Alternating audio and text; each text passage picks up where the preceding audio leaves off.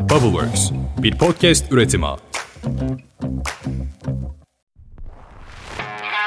Herkese selamlar. Kurumlara kurum içi girişimcilik ve inovasyon alanında yetkinlik transferi hizmeti sunan Goin'in podcast kanalı Good Innovation'a hoş geldiniz.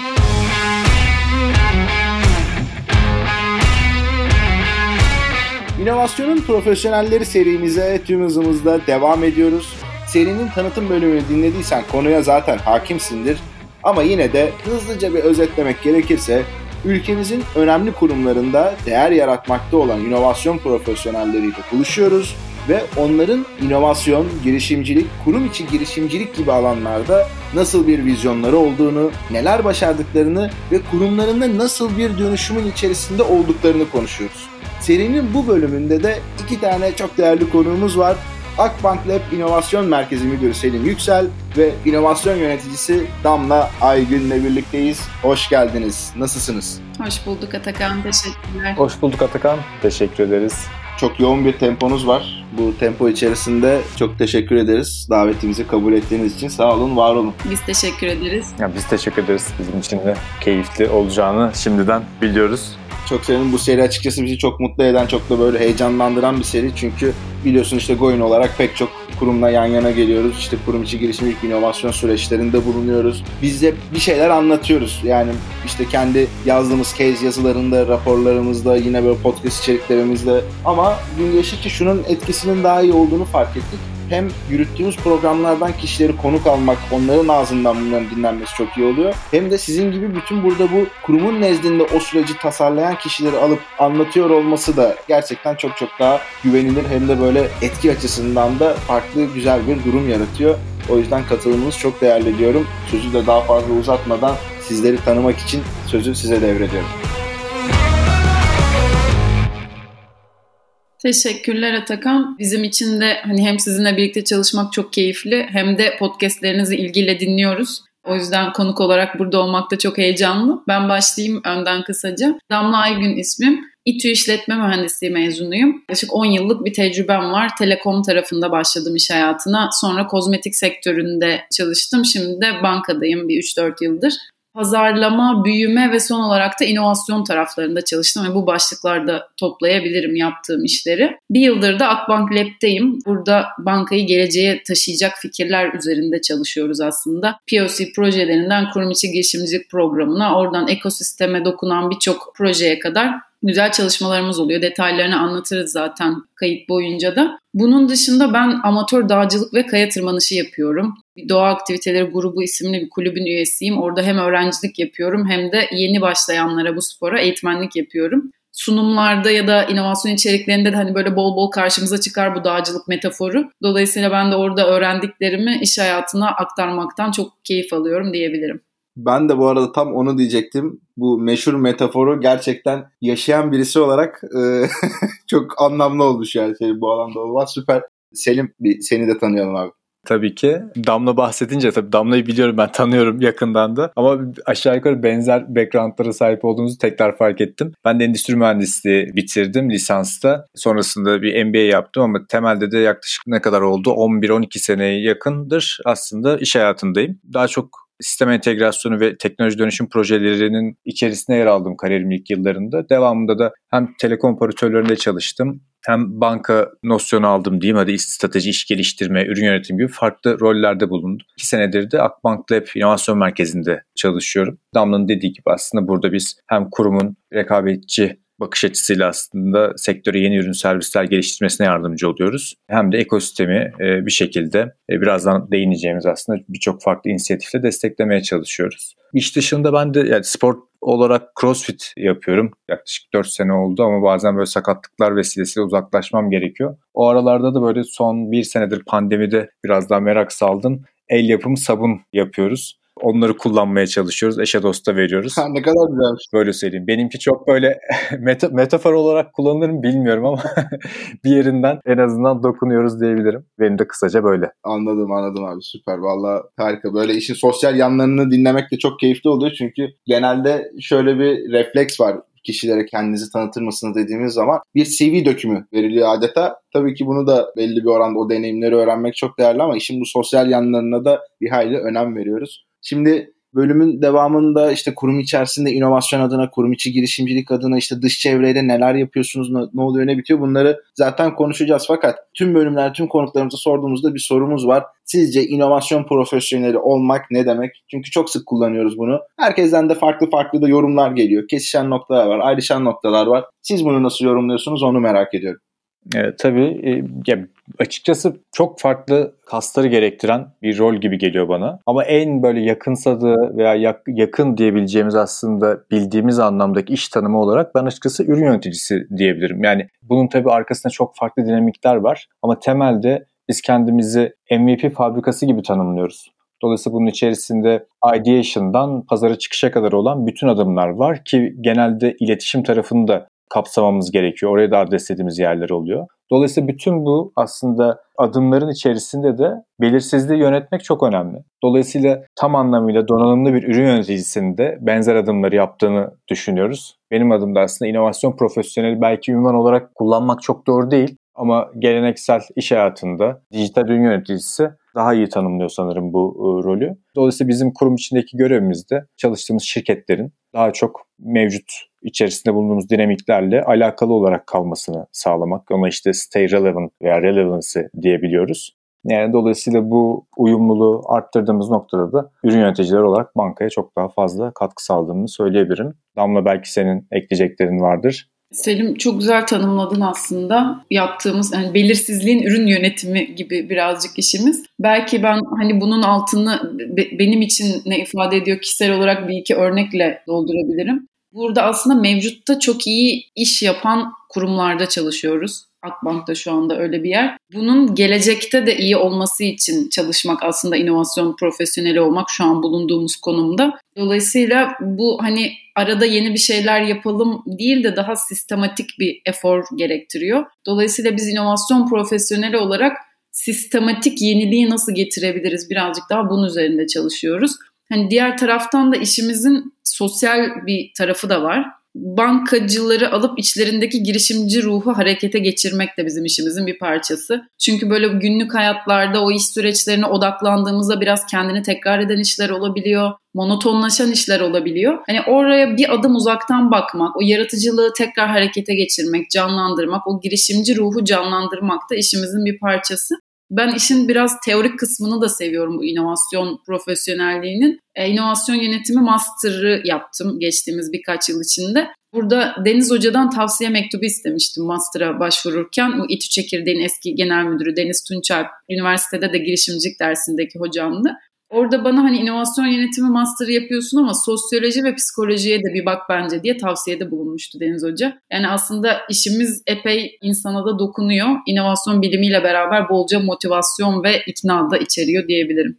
Kesinlikle süper. Valla iki yorumda da kendimizle de çok kesişen böyle noktalar yakaladım. Bir tanesi işte Selim'in bahsettiği o ürün olarak yaklaşma konusu. Biz de mesela işte podcast kanallarımıza hatta yeri geliyor işte serilerimize bile ürün olarak yaklaşıyoruz. Ürün yaklaşımıyla değerlendiriyoruz. Ne demek istiyoruz aslında? Bir hedef kitle belirliyoruz o hedef kitleye uygun bir değer önerisi üretebilecek olduğumuz bir içerik üretiyoruz. Ondan sonrasında da bununla ilgili çeşitli denemeler yapıyoruz aslında ufak tefek. Sonra bir bakıyoruz dinlenmelerine. Evet orada güzel böyle sonuçlar var, güzel yorumlar geliyor. Diyoruz ki hadi gelelim şimdi bunu daha uzun bir seri haline dönüştürelim. Seri de güzel gitti mi? Hadi gel bunu güzel bir kanal haline dönüştürelim. Aynı aslında sizin de kurumun içerisinde veya işte yine dışıyla ilgili yürütmüş olduğunuz programlarda burayı hedefleyelim. Yavaş yavaş şöyle şöyle adımlar atalım sonrasında büyütelim gibi veya işte gerçekten de tam anlamıyla bir ürün geliştirirken nasıl bir yaklaşım varsa bunu ortaya koymaktan çok da farklı görmüyorum açıkçası durum. O yüzden harika bir yorumdu. Bir yandan ben açıkçası Damla İTÜ'de olduğunu bilmiyordum. Ben de işletme yüksek lisansı yaparken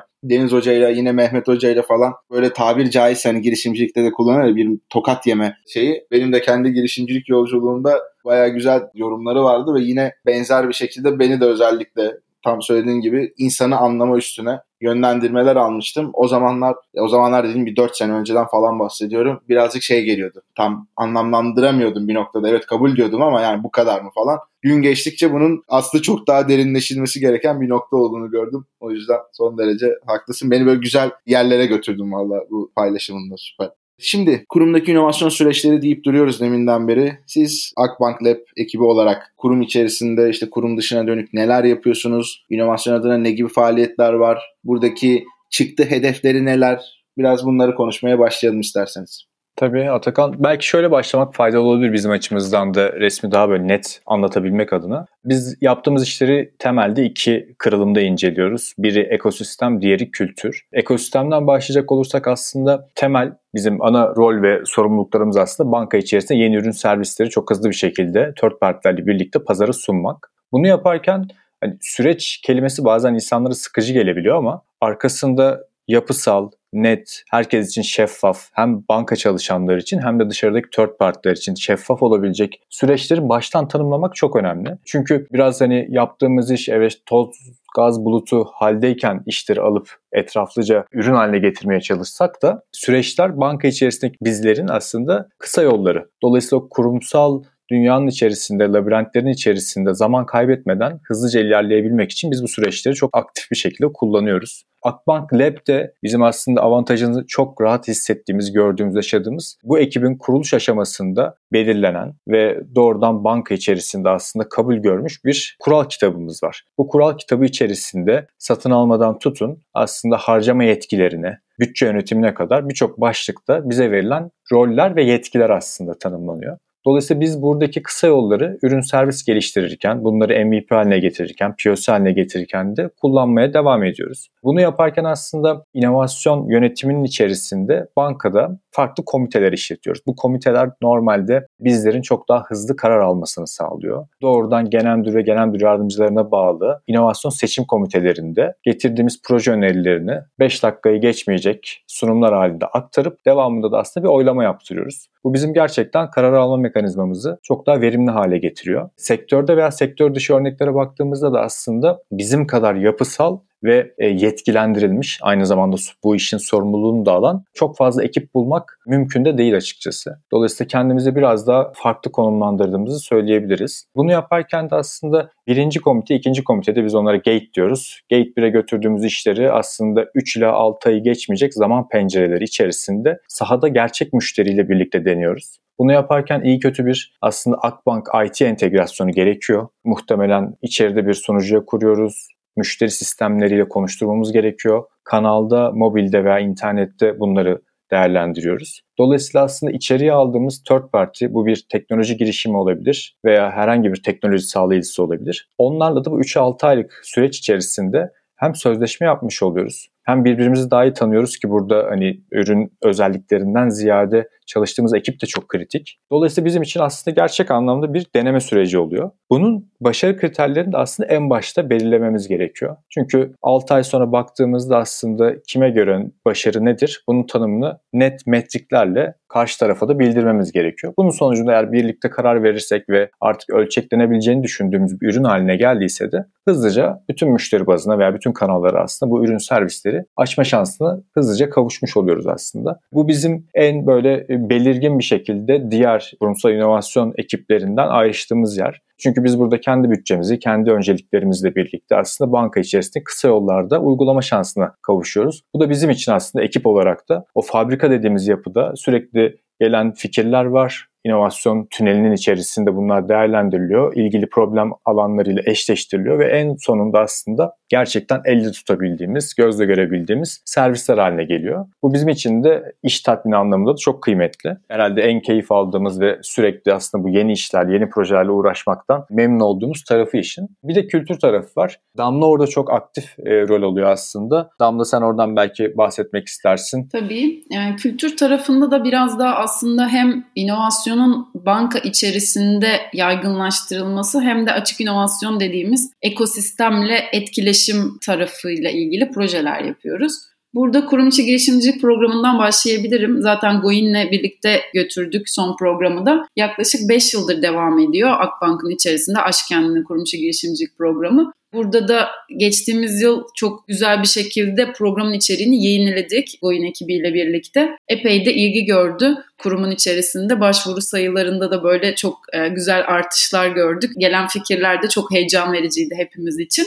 Burada kurum içi girişimcilik programıyla hedefimiz tabii ki güzel ürün, yeni ürün ve servis fikirlerinin gelmesi ama diğer yandan da bu inovasyon kültürünün yaygınlaşmasını günlük hayattaki işlerimize de bakarken böyle bir bakış açısı değişikliği, o design thinking, tasarım düşüncesi metodolojisine oturtmayı hedefledik biz birazcık daha. Bunu bir alışkanlık, bir kas olarak aslında inovasyonun kazandırılmasını hedefliyoruz bu programla birlikte. Diğer taraftan biz her yıl hekatonlar düzenliyoruz. Bu bankanın mevcut bir karşılaştığı bir problemle veya ihtiyacıyla ilgili olabiliyor ya da üzerinde çalıştığı bir odak alanı ile ilgili olabiliyor. İşte önceki yıllarda mesela COBİ'ler için neleri kolaylaştırabiliriz finansal anlamda bunların üzerine çalışmıştık. Geçtiğimiz yılda e, sürdürülebilirlik hedefi banka için çok gündemdeydi ve bunun etrafında bir hekaton şekillendirdik. Burada da İmecelab'le bir işbirliği yaptık ve aslında hekatondan çıkıp böyle birkaç aylık daha geniş bir programa yayılan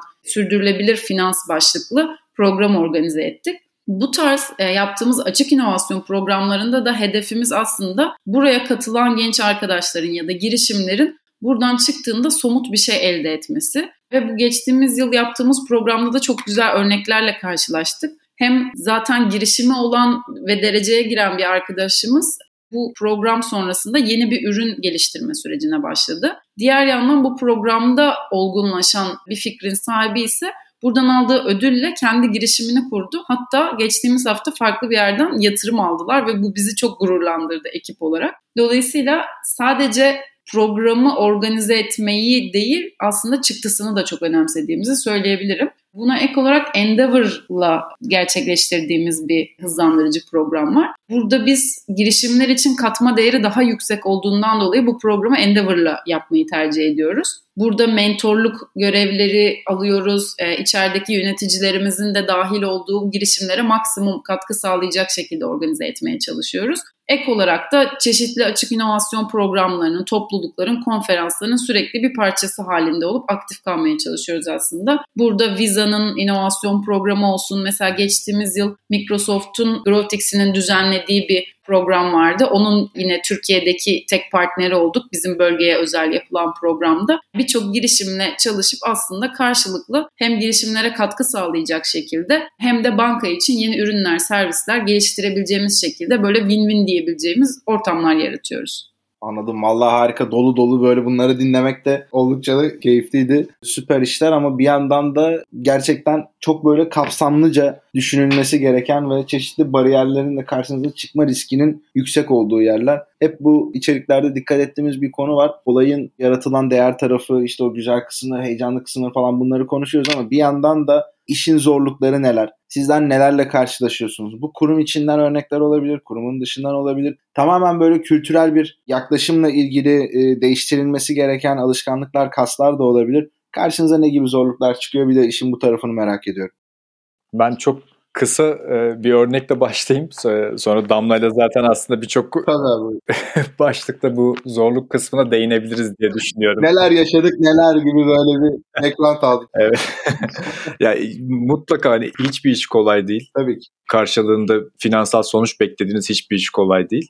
E, ünvanın başına sıfat olarak böyle işte inovasyon konusu gelince de biraz konu kısa da kalabiliyor ya da ketum da kalabiliyor şey açısından hani ekiplerin beklentisi biraz da hani vitrin tarafı olabiliyor ama hani bizim metriklerimizde de çok net bir şekilde aslında yaptığımız işlerin projelerin kuruma finansal sonuç getirmesini hedefliyoruz. Bunu yaparken de en başta zaten fizibiliteler çalışıyoruz. Production'a çıktığımızda aslında nasıl bir rakam beklediğimizin zaten sözünü veriyoruz. Dolayısıyla bizim bu süreç içerisinde genelde iş yapış biçimimiz çok belirgin değil. Yani gri alan çok fazla var. Bunun içerisinde regülatif unsurlar da var, işin kapsamı var. Genelde yaptığımız işler hem sektörde hem de ülkede ilk olduğu için ki bugüne kadar işte 30'un üzerinde proje gerçekleştirdik. Genelde yaptığımız işlerden bu özellikleri arıyoruz. Banka içinde aslında rekabette fark yaratacak ürünler, servisler olmasını bekliyoruz. Ve bu işler maalesef ki çok etrafı net çizilebilecek işler olmuyor. E, bu tabi beraberinde endişeyi, kaygıyı getiriyor.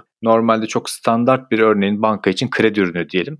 Ürün özellikleri bellidir, iş akışları bellidir, nerede neyin çalışacağı bellidir. Tabi bu tarz ürünlere alışık olan ekipler için de bizimle birlikte proje yapmak bazen fazla riskli görülebiliyor. Biz bunları aslında kolaylaştırmaya çalışıyoruz banka içerisinde. Herhalde hani benim kendi adıma söyleyebileceğim en büyük zorluklardan bir tanesi budur ama en nihayetinde bir inovasyon projesi yapan herhangi bir ekip buradan çok daha farklı bakış açılarıyla ayrılıp kendi işini de aslında bu gözle yapmaya devam edebiliyor onu söyleyebilirim. Onun dışında bir de ikinci unsur olarak da Damla'ya sözü vermeden şeyi söyleyebilirim. Yani özellikle ideation kısmında inovasyon ekipleri bence kurumlardaki inovasyon ekipleri inovasyon yapmıyor. Yapmak zorunda da değil. İnovasyon ekipleri aslında projeler için uygun ortamı, uygun iklimi yaratmakla yükümlü. Dolayısıyla bizi biraz daha fasilitatör gibi kolaylaştırıcı diyebiliriz. Görmek daha mümkün. Gün sonunda tabii ekiplerdeki beklenti bizlerin inanılmaz yaratıcı fikirlerle aslında onlara gitme, gitmemizi beklemeleri. Bu akışı tersine çevirmemiz gerekiyor. Yani bunu kurum kültürü olarak da aslında oturtturmak için bütün bankanın belki de düzenli olarak yeni çıkan işleri, ürünleri, servisleri değerlendirip aslında bunları projelendirmek için aday göstermeleri gerekiyor.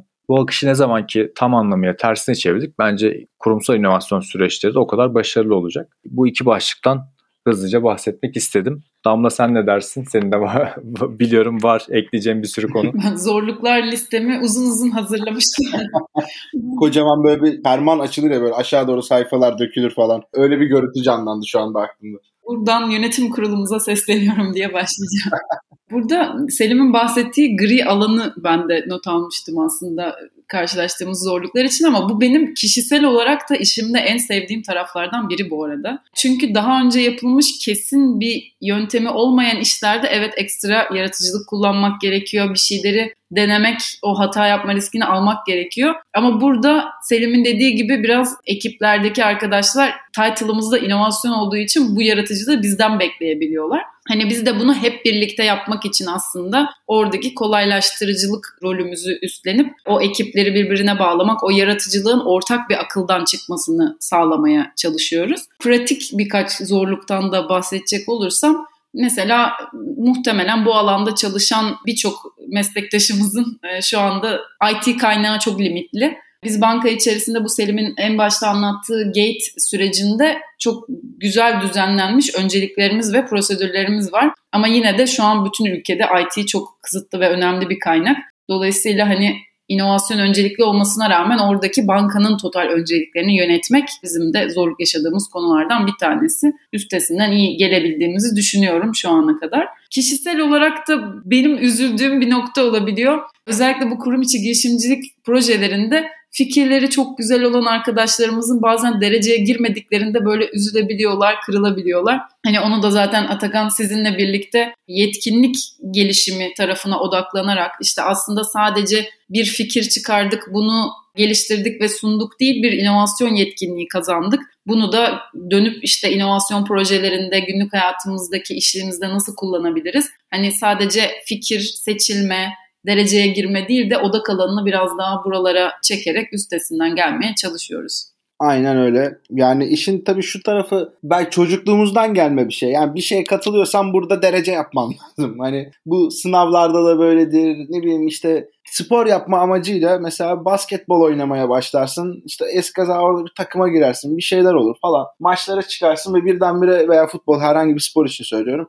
keyif almak için, spor yapmak için yapmış olduğun bir faaliyet birdenbire hırslı bir konuya doğru dönüşebilir ve bu sefer işte başına sakatlıklar gelmeye başlar. Olaydan tat almayı bırakırsın. Bu senin ondan sonra o işten uzaklaşırsın. Ondan uzaklaşınca da normal bunun sosyal hayatına da sağlık açısından, dinamiklik açısından pek çok şeyden hatta mental açıdan ciddi negatif etkileri olur. Bu süreçleri de tam olarak buna benzetiyorum. Yani illaki buradan bir işte girişimin birinci olması, işte gün geçtikçe pek çok kurumda spin out örneklerini de görüyoruz. Evet kabul gerçekten dışarıya çıkıp işte yeni bir işi hayata geçirebilmek için olabilecek olan en belki de böyle güvenli ve doğrulanmalarla dolu olan bir yolculuk. Ama yani bu tek atışlık bir barut değil. Dolayısıyla işte öğrenme sürecine sürekli devam ediyor olmak. İşte o öğrendiklerini yeni kendi yapmış olduğun işlerinde de kurumun içerisinde yürüttüğün faaliyetlerde de uygulayabilmek. Bunun takımına sirayet etmesini sağlamak. Bunların hepsi çok daha değerli şeyler aslında ve e, ana amaç da bu. Bir noktada da şuna inanıyorum bir gün. Bu yaklaşımlar bütün işte kurumlar nezdinde böyle en böyle kılcallara kadar yayıldığı durumda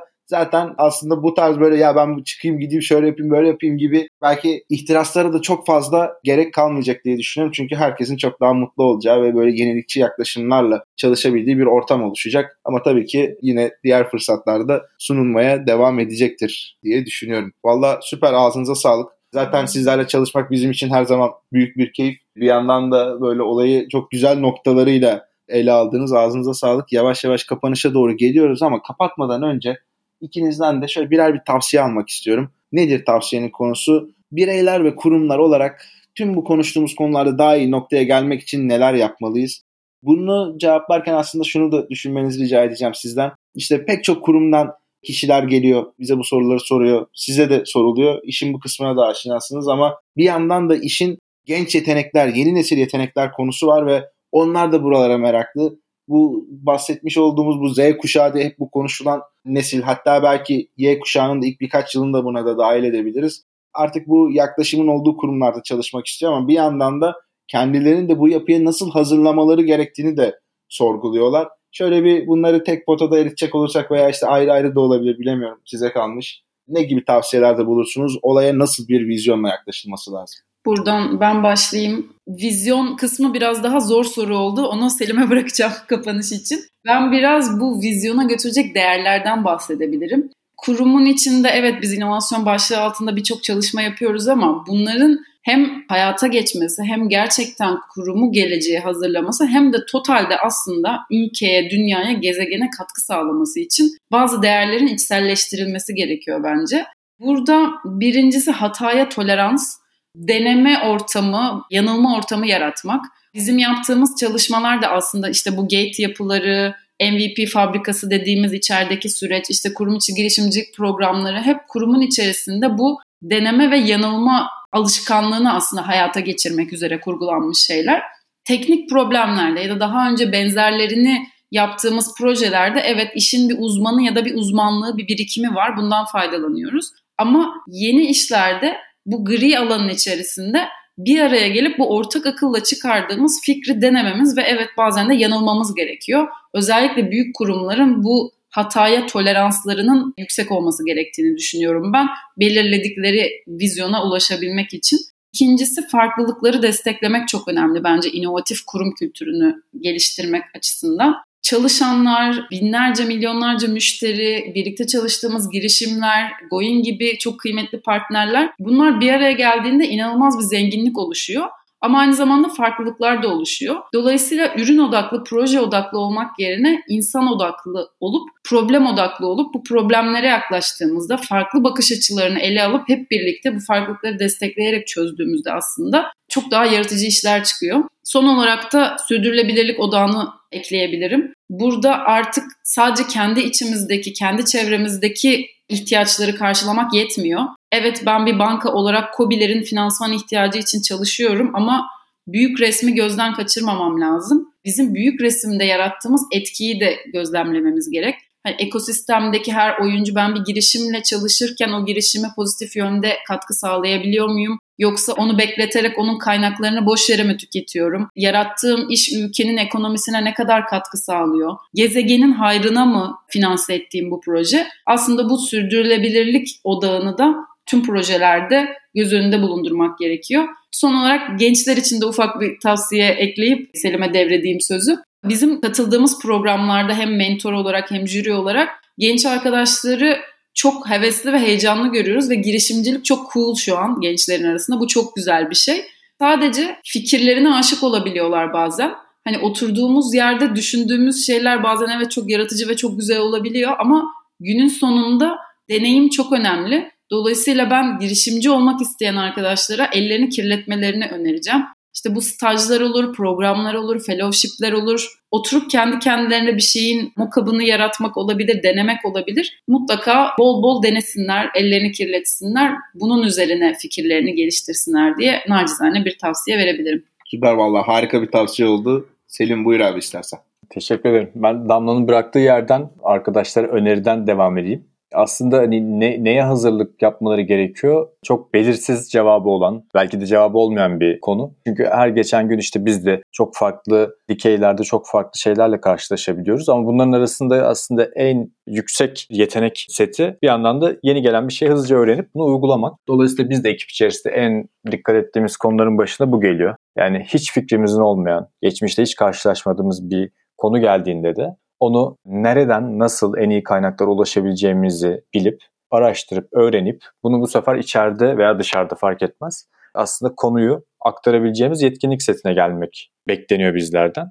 Dolayısıyla bunu da bir yandan da uygulamaya geçirme kısmında da yine benzer özellikleri bir yandan kendimize kazandırmaya çalışıyoruz. Dolayısıyla bence hani tecrübeden bağımsız burada hızlı öğrenme konusu çok kritik. Kurum girişim işbirliklerine baktığımızda da aslında hani bizim gibi diğer kurumlara ne diyebiliriz? Bence orada hani büyük kurumlara giden şirketler için en önemli olan kısım satış öncesi süreçler. Burada özellikle karşı taraftan hızlı evet veya hayır almak. Yani eğer bir satış sürecindeysek o satışı hızlıca kapatmak. Değilse de aslında karşı tarafın kurumun sizin kaynaklarınızı boşa harcamamasını ya da bu hassasiyeti taşıdığını da aslında görmek gerekiyor. Dolayısıyla bizim için en önemli şey eğer bir proje yapmayacaksak da onu aylarca aslında uzatmıyoruz. Karşı tarafa hızlıca aslında yapmayacağımızı ve nedenini makul gerekçelerle aslında anlatıp onun da kaynaklarını başka kurumlara, başka projelere ayırmasına aslında bir şekilde yardımcı oluyoruz. Bu bence çok kritik. Dolayısıyla tüm bunları bugün son 30 dakikada konuştuklarımızı toparlayacak olursak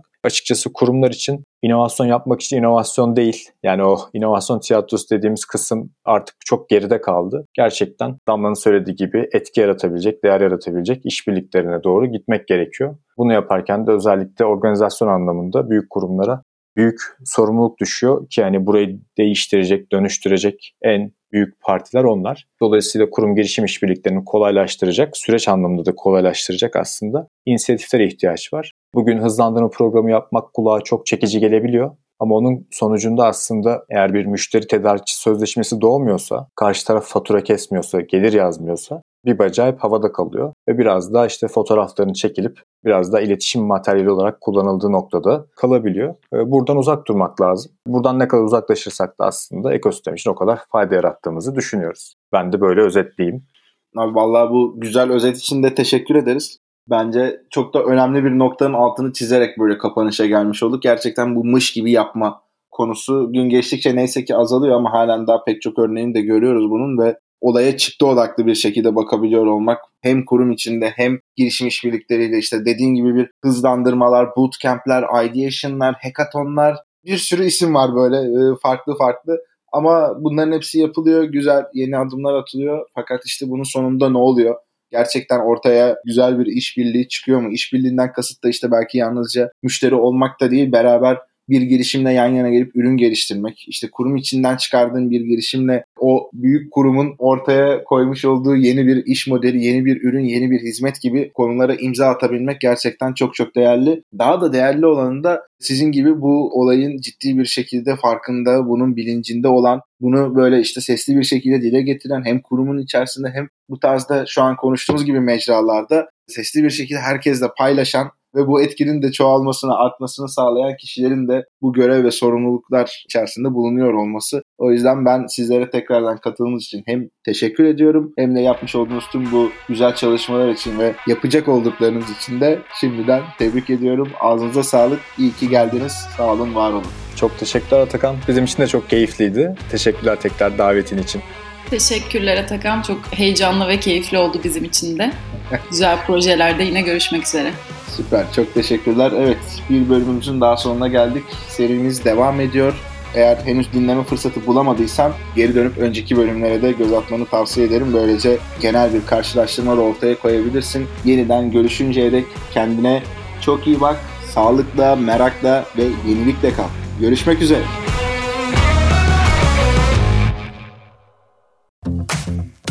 Bubbleworks bir podcast üretimi.